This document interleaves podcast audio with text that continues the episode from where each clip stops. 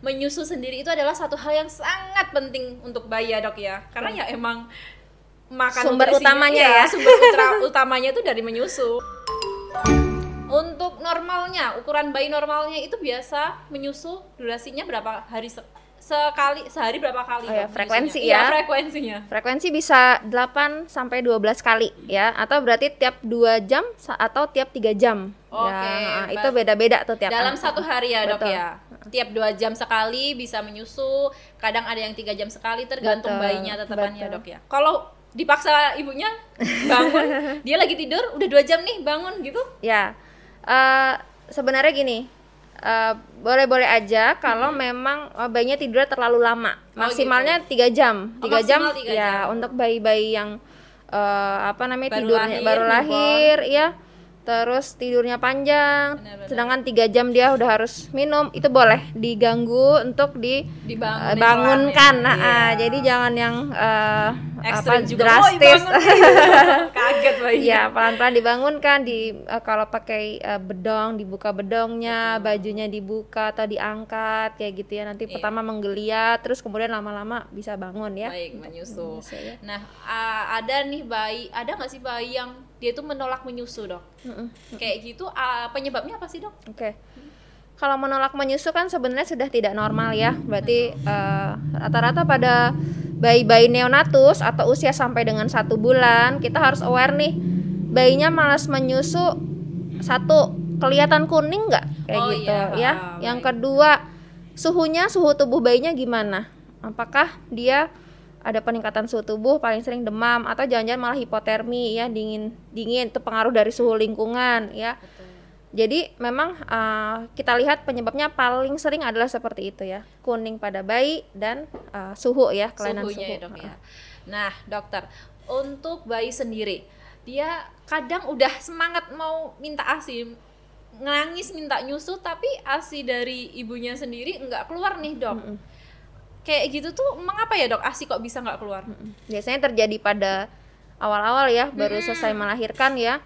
Karena sebenarnya uh, saat ibu hamil itu kelenjarnya sudah siap ya. Kelenjarnya sudah siap, sudah diproduksi. Kadang-kadang ada yang ibu hamil yang asinya sudah keluar gitu ya. Ya usia 8 bulan kandungan Iya, kadang ha-ha, keluar. tapi ya, Dok, ya. kadang-kadang juga waktu giliran anaknya eh, lahir, Mm-mm. lah kok nggak keluar gitu ya. Nah, perlu diingat bahwa eh, ibu juga membutuhkan stimulasi isapan bayi pada putingnya gitu Oh, ya. gitu. Jadi eh, memang eh, gimana nih kok nggak keluar nggak apa-apa, tetap disusuin Tetap aja, susuin tetap aja. susuin. Eh, bayi itu juga memiliki kemampuan untuk eh, pada awal-awal kehidupan ya itu Mm-hmm. eh, tidak minum gitu ya. Jadi biarkan dia eh, mengenyot ya atau menyusu biarpun asi tidak keluar, keluar, iya. eh, eh, manfaatnya adalah untuk ibunya adalah untuk merangsang, merangsang supaya keluarnya asi ya. Karena kelenjar udah siap kan? Iya, Ah, ah. karena pengalaman saya sendiri nih dok, waktu melahirkan anak saya itu dua minggu asi saya nggak keluar dok. Mm-mm. Jadi teman-teman saya itu 8 bulan sudah keluar ya asinya sudah keluar, saya belum ada. Jadi dua minggu setelah melahirkan itu saya kasih sufor gitu, sambil tetap saya Iya, pancing buat menyusu, akhirnya keluar juga. namanya stimulus ending. ya. Stimulus Benar. bisa dengan isapan bayi langsung Betul. atau dengan pumping ya. Iya, ha, itu juga boleh Karena saat dilakukan. itu tuh bayi saya tuh udah semangat banget nyusu, nangis, wah minta minum, tapi asi saya nggak keluar Iya. dok, betul. Itu apa juga bisa karena pelekatan ya dok? Mungkin saya salah melekatkan Oke. anak saya. Iya. Eh, kalau eh, latch on ya perlekatan itu nanti berpengaruhnya pada eh, frekuensi menyusu gitu. Kok bisa gitu ya? Karena perlekatan yang salah membuat bayi itu menyusu hanya sebentar. Oh gitu. Ya, hanya sebentar kemudian melepas, terus nanti belum tidur pula sudah ingin menyusu lagi. Berulang-ulang aja nanti kayak gitu. Betul berarti jadi yang kejadian dikit-dikit minta susu, dikit-dikit minta Benar. susu gitu. ya, Jangan-jangan perlekatannya salah. Iya, ya. karena- Karena uh-uh, karena kalau perlekatannya salah, posisi ibu eh, posisi bayinya tidak nyaman misalnya sehingga bayinya harus terus-menerus menoleh ke arah puting susu ibunya gitu ya. Itu kan menimbulkan rasa tidak nyaman ya, eh, lelah ya. Iya, kemudian dia akan melepas untuk beristirahat lagi, kemudian menyusu lagi. Nah, itu juga perlu Karena saya dipikirkan. itu juga ke- dulu itu mikir apa pelekatan saya kurang ya, apa cara nyusuin saya salah. Kenapa kok asinya nggak keluar kayak gitu dok? Terus biasanya sampai u- dari newborn sampai um, usia berapa bayi susah untuk menyusu? Kalau misalnya beda-beda nih tiap usia tadi kan saya bilang ya 0 sampai 1 bulan eh, hati-hati kalau dia kuning, ya. kuning S- eh, kuning itu bisa circle ya, kuning karena malas nyusu atau malas nyusu karena udah kuning gitu ya. Oh, iya. Ah, udah jadi itu ya, dua-duanya, ah, terlanjur. dua-duanya. Tapi juga udah kuning dia akan malas nyusu juga ya, lebih banyak tidurnya ya. Ya tadi satu bulan tuh permasalahannya itu ya, permasalahannya kuning atau tadi permasalahan suhu atau jangan-jangan ada kelainan kongenital lain misalnya ya, seperti itu ya. Itu eh, mungkin akan eh, eh, membutuhkan pemeriksaan lebih lanjut. Nah, kalau malas menyusu di usia 3 sampai 4 bulan itu biasanya karena distraksi, karena kan eh, lama kelamaan indera penglihatan dan indera pendengaran makin lama makin jelas. Ma- ah, makin jelas, makin tajam gitu ya, sehingga kebanyakan kesulitannya tantangannya adalah distraksi, Distraksi. pada saat menyusu. Lagi menyusu tiba-tiba sesuatu yang menarik nih menarik gitu. atau enggak misalnya kalau udah punya kakak gitu Oh iya, ya. kakaknya kakaknya. lari Lari dikit ikut langsung pengen, nengok iya. ya kayak gitu. Terus kemudian eh apa namanya lihat eh, tadi itu ya mendengar suara kadang-kadang kakaknya teriak atau enggak ada distraksi suara lain. Nah, itu jadi tiap tiap usia itu beda-beda. Baik. Heeh. Jadi selain karena kuning tadi ya dok ya, bayi tidak mau menyusu itu bisa jadi tanda-tanda kesehatannya terganggu ya dok ya. Selain Iya. eh, karena kuning tadi. Iya, bisa jadi. Makanya itu yang harus diperhatikan tanda lain apa selain malas menyusu yang muncul pada bayinya. Jadi bisa kesehatannya terganggu ya dok ya. Mm-mm, Baik, berarti tetap harus dibawa konsultasi aja daripada menebak-menebak ya dok ya. Iya, berarti kan kalau frekuensi menyusunya udah tidak lagi 8 sampai 12 kali, ya tadi itu ya patokannya itu. Mm-mm. Berarti kan em, kemungkinan ada permasalahan ya. Masalah kesehatan ya Iya. dok ya. Untuk mengatasi bayi nggak mau nyusu ini gimana dok? Banyak ya eh, bayi nggak mau nyusu harus di eh, apa namanya? Pijat mungkin dok dengan pijat? Oke, kalau tentang pijat sih sebenarnya eh, cukup banyak benefitnya buat bayi ya. Iya. Nah, misalnya eh, benefitnya untuk bayi itu banyak. Satu adalah relaksasi ya pada bayi.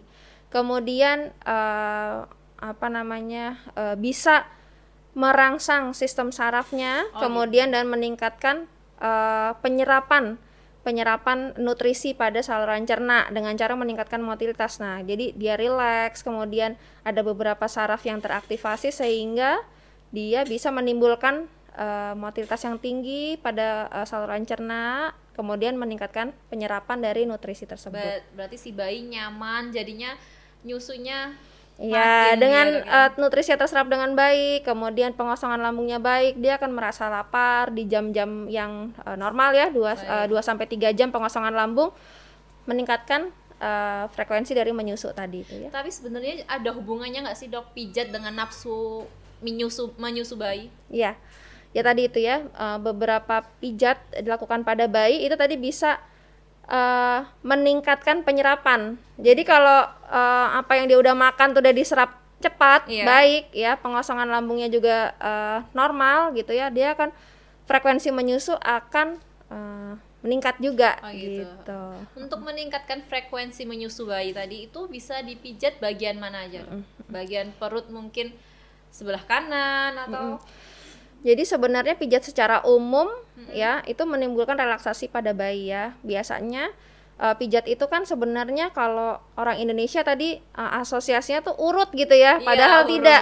pijat. Padahal tidak. Pijat itu sebenarnya dengan melakukan eh, usapan lembut gitu ya Usapan pada lembut. bayi ya, pada kaki tangannya ya, seperti itu. Itu juga sudah bisa dikatakan massage ya, baby massage, ya. iya. Itu bisa dilakukan sendiri ya. Jadi sebenarnya tidak ada titik-titik khusus eh, pijatnya harus di mana untuk meningkatkan itu tidak ada ya. Berarti jadi di secara general aja bisa. gitu. Berarti di mana aja boleh ya mams, dipijat di mana aja yang penting bayinya nyaman, Iya. rasa nyaman. Kalau ngerasa udah menangis harus di stop ya dok Iya, ya. itu bisa juga dilakukan mamahnya sendiri kan di rumah ya, Betul, iya. habis mandi gitu ya, Eh, kemudian eh, melakukan usapan lembut ya eh, pada kaki, tangan ya, pada perut juga asal usapannya lembut masih tidak Asalkan apa-apa. pokoknya kalau untuk bayi yang lembut ya dok Iya, ya.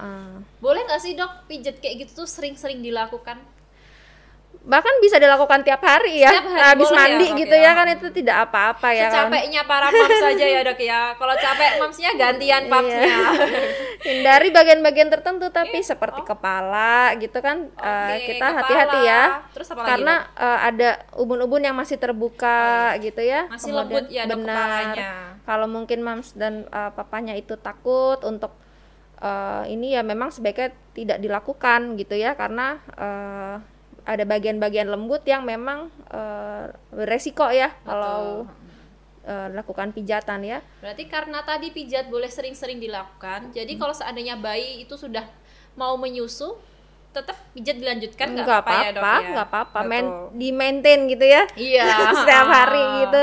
Karena kan selain eh, apa meningkatkan frekuensi menyusu dia juga kita bisa stimulasi tumbuh kembangnya dari pijat tersebut gitu. Jadi eh, sentuhan itu sentuhan apalagi sentuhan orang tua itu bisa eh, dianggap sebagai stimulasi untuk perkembangan anaknya Baik. ya. Untuk ibu menyusui itu ada istilah pijat oksitosin dok. Itu untuk memperlancar pengeluaran ASI, betul dok? Nah, agar frekuensi bayi meningkat saat menyusu, pijat harus dilakukan untuk pijat bayi saja atau harus pijat oksitosin juga dok. Jadi dua-duanya. Oke, pijat oksitosin itu kan berasal dari eh, isi- eh, istilah hormon ya. Hormon oksitosin itu adalah let down reflex hormon ya. Oke. Jadi eh, pada badan ibunya itu ada beberapa hormon bekerja. Satu meningkatkan produksi ASI-nya, yang kedua adalah memperlancar dari let down refleksnya. Itu adalah fungsinya salah satu dari fungsi dari oksitosin. Nah, pijat oksitosin itu adalah pijat pada titik-titik tertentu yang eh, bisa meningkatkan eh, kerja dari hormon oksitosin. Jadi harapannya produksi ASI-nya atau let down refleksnya semakin baik ya. Nah, eh, sebenarnya eh, itu berfungsi uh, agar produksinya baik. Sedangkan uh, proses menyusui eh, apa uh, proses menyusui kan ada dua ya, dari mamahnya sama dari, si Dari bayi, bayi, ya. iya. Kalau dari mamanya kita bisa tingkatkan dengan Pijat oksitosin. Tapi kalau dari bayi ya uh, tadi ya uh, sentuhan tadi ya, stimulus tadi itu bisa. Sentuhan Uh, lembut uh. pada bayi. Tapi ya. kemudian kalau pijat oksitosin meningkatkan frekuensi, ya itu mungkin uh, ini ya beda beda jalur ya atau uh, tidak secara langsung gitu ya. Tapi ada nggak dok kasus si ibu sudah pijat oksitosin, frekuensi ASI-nya sudah meningkat, tapi bayi tetap menolak menyusu nih dok? Nah, itulah bayi menolak menyusu berarti harus cari tahu dulu kenapa menolak menyusunya. Apa ada hal lain ya? Apakah ada penyakit ya? Apakah ada Gangguan benar gangguan kesehatan? Karena sebenarnya eh, menyusu itu seperti eh, proses sucking ya. Sucking itu kan refleks ya pada bayi ya. Seharusnya dia tanpa kita ajari juga sudah bisa Sudah, gitu. Ah, jadi sebenarnya ya? Oh, eh, kalau misalnya eh, dia eh, produksi ASI udah bagus, anaknya tetap nggak mau menyusui, wah harus di ini harus dicari tahu kenapa, oh, gitu. Dokter Pitra ada nggak pesan-pesan untuk moms di rumah yang sedang menyusui dan berjuang gitu? Iya, harus bahagia mamsnya. Benar, harus bahagia ya moms ya. nggak boleh tertekan. Kadang-kadang mungkin kita eh, ada mendengar eh, apa ya omongan-omongan ya, kadang mengatakan bahwa ASI kita nggak cukup gitu ya. Eh, yakin aja atau percaya diri aja kalau eh, ASI itu akan eh, apa ya diproduksi atau eh, dihasilkan sesuai dengan kebutuhan bayi. Jadi kalau mamahnya bahagia, nggak nggak cemas ya, kemudian senang, percaya diri, yaitu bisa meningkatkan keberhasilan eh, menyusui eksklusif gitu ya, ASI Karena eksklusif. ya itu tadi ya dok ya, eh, menyusui itu kayak suatu hal yang simple, tapi sebenarnya tidak sesimpel itu Iya, ya dok ya. banyak banget ya. harus diberjuangkan Elemen-elemennya iya. ya. harus benar berjuang untuk bisa selesai ketika anak usia 2 tahun itu harus banyak banget perjuangan. benar, tetap semangat. tetap semangat. Makan yang enak-enak Makan enak-enak. berat badan. Ya dok ya. Benar, berat benar. badan meningkat. Masa bodoh yang penting anak tetap Iya, dapat ASI nutrisinya Ya, harus nutrisi, baik, betul. cairan juga harus cukup pada ibunya untuk bisa menghasilkan produksi ASI yang baik juga gitu. nah kalau untuk pijat itu tadi dok itu bisa dilakukan ibu sendiri atau emang harus ke klinik kayak gitu dok Ya satu kalau pada prinsipnya sih bisa dilakukan sama ibunya sendiri, tapi kalau misalnya eh, ibunya eh, apa ya Belum waktunya tahu, kurang atau belum tahu caranya. caranya. ya misalnya eh, bagaimana sih penekanannya gitu kan Hmm. anda apakah harus dengan seluruh kuat tenaga gitu Iya, kan sekuat tenaga atau lembut-lembut aja gitu ya sebenarnya ya boleh eh, silahkan kalau menggunakan apa datang ke terapis ya gitu Iya, misalnya kayak gitu ya pijat. kayak gitu itu boleh juga sih Oke, baik Dokter Pitra. Sudah ternyata sudah lama ya kita ngobrol dari tadi ya Dokter. ya. iya udah banyak yang dibahas ya Banyak yang dibahas, banyak ilmu yang di-sharing. Mam Oke. semua yang di rumah juga ilmunya upgrade. Terima kasih ya Dok semoga ya. bermanfaat Terima kasih ilmunya.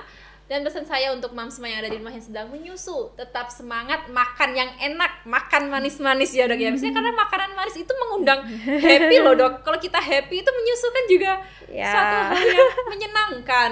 Baik. Baik, terima kasih mam semua. Sampai jumpa di episode selanjutnya.